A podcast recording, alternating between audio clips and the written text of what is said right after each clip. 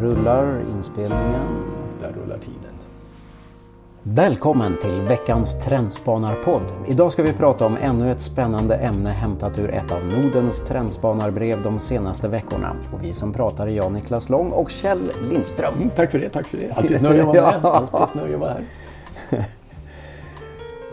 Utbildningssektorn. En av våra mest, Eh, ett av våra mest kära ämnen. Mm.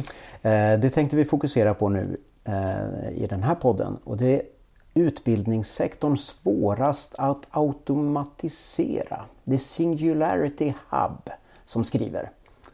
En stor amerikansk undersökning pekar på att utbildningssektorn är svår att automatisera och robotisera. Mm, med tanke på att vi går in i kunskapssamhället så är det här ett bombnedslag. Ja, för vi är på väg eh, nästan... Eh, vi, vi, befinner oss i kunskapssamhället, det, det är ju väldigt påtagligt. Mm. Och vi är på väg in på något sätt i ett robotsamhälle och automatiserat samhälle. Mm. Och är det så att vi kommer att klara av båda delarna samtidigt? Ja, det är en bra fråga. Eller är vi på väg ur kunskapssamhället därför att vi överskattar automatiseringens möjligheter. Nu tycker jag att den kära lyssnaren ska vara väl medveten om att både jag och Niklas Lång är fostrade och tuktade till de vi är på pedagogiska institutionen vid Uppsala universitet. Och det kan vara grunden till denna försiktiga misstänksamhet som ni anar i inledningen så, på den här podden. Nu, nu, nu, är, nu kommer vi in på ett område som jag grubblar mycket på. Eh, och eh, när man pratar om utbildningssektorn så tror jag att man får spjälka upp den i lite olika delar faktiskt mm. om man nu ska få en ordning på den här. Om tem temat är att det är svårt att automatisera. Ja, härligt Kjell. Spjälk away. Spjälk away. Ja. ja, men jag kan tänka mig utan att krångla till det för mycket att, att en del kunskapsöverföring är av den arten att det går ganska bra. Alltså, att automatisera? Automatisera, ja. ja det, det, brukar man ju lyfta fram, så här språkinlärning, lära sig nya ord och sådär. Det går mm. ganska lätt att via, mm. Göra via appar och den typen av teknik och det finns mm. ju, ju redan. Och att det här, den här typen av utbildning också är ganska bra att man automatiserar av det skälet att det kan nå så himla många fler. Alltså ja. vi har en hel jord att ta hand om. Och eh, om vi tar till exempel en sån eh, kontinent som, som, som Afrika där mm, mm. infrastrukturen ibland glappar, där finns det mobiltelefoner överallt. Så skulle man kunna skapa kunskapssamhällen utifrån den teknologi som finns. Så. Mm. Det jag är lite mer tveksam till eh, det är lite olika saker men, men, eh, men en, en sak som jag är lite, lite bekymrad över det är själva grundsynen i många av de här som diskuterar utbildningens framtid. Så. Ja, och du tänker vad, vad är det som blir problematiskt då? Uh, tänker du möjligen på de här uh, spännande begreppen som, som på pedagogiska institutionen närmast var betraktat som skällsord. Absolut. tänker på atomistisk, atomistisk kunskapssyn, mekanisk människosyn. Ja, såna härliga... Lära för tentan, inte för livet. Ja, just alltså, det. Precis. Ja. Jag tror att det eh, faktiskt ligger rätt mycket i det. Att, att eh, en del av den här sektorn eh, det, det, är väldigt mycket fokus på innehållsöverföring. Mm. Och jag tror att det, i, i väldigt många utbildningssammanhang så är själva innehållet en, en del. Alltså man lär sig. Mm. Vad, mm. vad, det andra det handlar om socialisering. Alltså utbildningssystem har alltid, mm. traditionellt också haft en viktig del i att, att man inte bara lär sig sakfrågan, också hur, hur man interagerar med människan, med samhället, förhållningssätt mm. mm. till varandra och sånt där. Mm. Och det är ju lite svårare i de här systemen om man uttrycker sig så.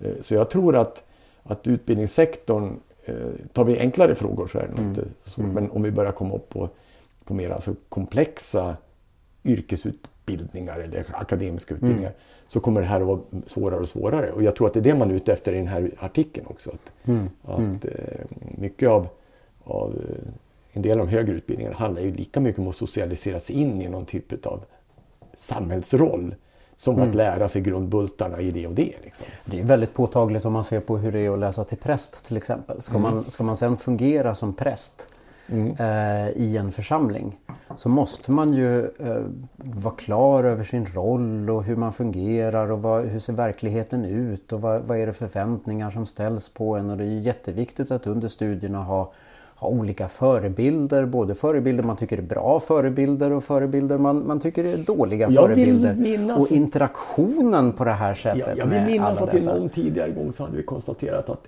ett av de tre jobb som var svårast att robotisera var just prästen. Ja, Därför att det är så Ja, himla de komplexa. påstår ju det. Ja, de du ska vara nöjd. det. Du ska vara nöjd. Ja, men samtidigt så jag tror inte att det här gäller bara präster utan jag tror att det gäller jurister till exempel. För att bli en bra jurist, Ja, ja. en bra advokat, man måste ju ha sett advokater in action. Man måste Mm. ju ha interagerat med dem. Det går ju inte att sitta under en juristutbildning även om det är väldigt meka- mycket mekanisk kunskapsinlärning när man ska lära sig vad lagarna gäller i olika frågor och så här. Mm. Man måste ju fortfarande lära sig hur man interagerar med människor och hur, vad, vilka förväntningar finns på min roll som advokat eller åklagare eller företagsjurist.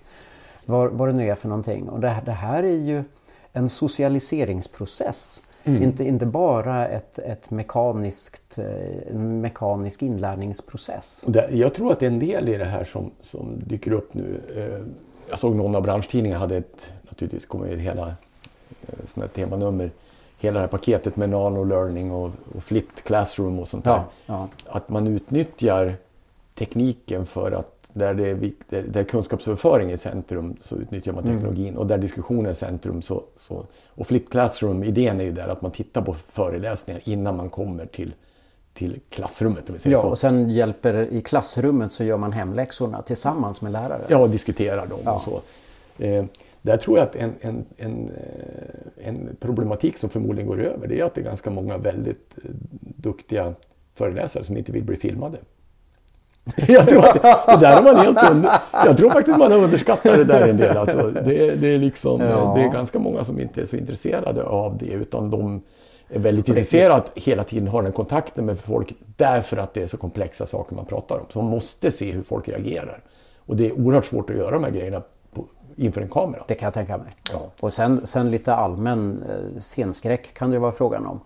Sen, sen kan jag också tänka mig att eh, när man blir inspelad på det här sättet också så det är ju utlämnande på det sättet att man, man gör sina föreläsningar tillgängliga också på ett sätt som gör att man, man inte riktigt förfogar över copyrighten på dem längre.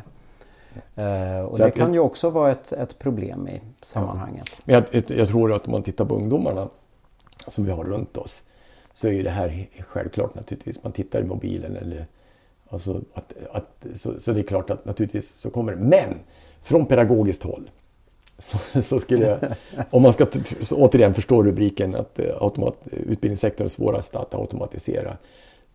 Det har sina begränsningar och den har sina begränsningar definitivt när det börjar handla om samhällsvetenskaperna tror jag. Där man måste diskutera, man måste stöta och blöta och man ska träffa folk och få förebilder och sådär.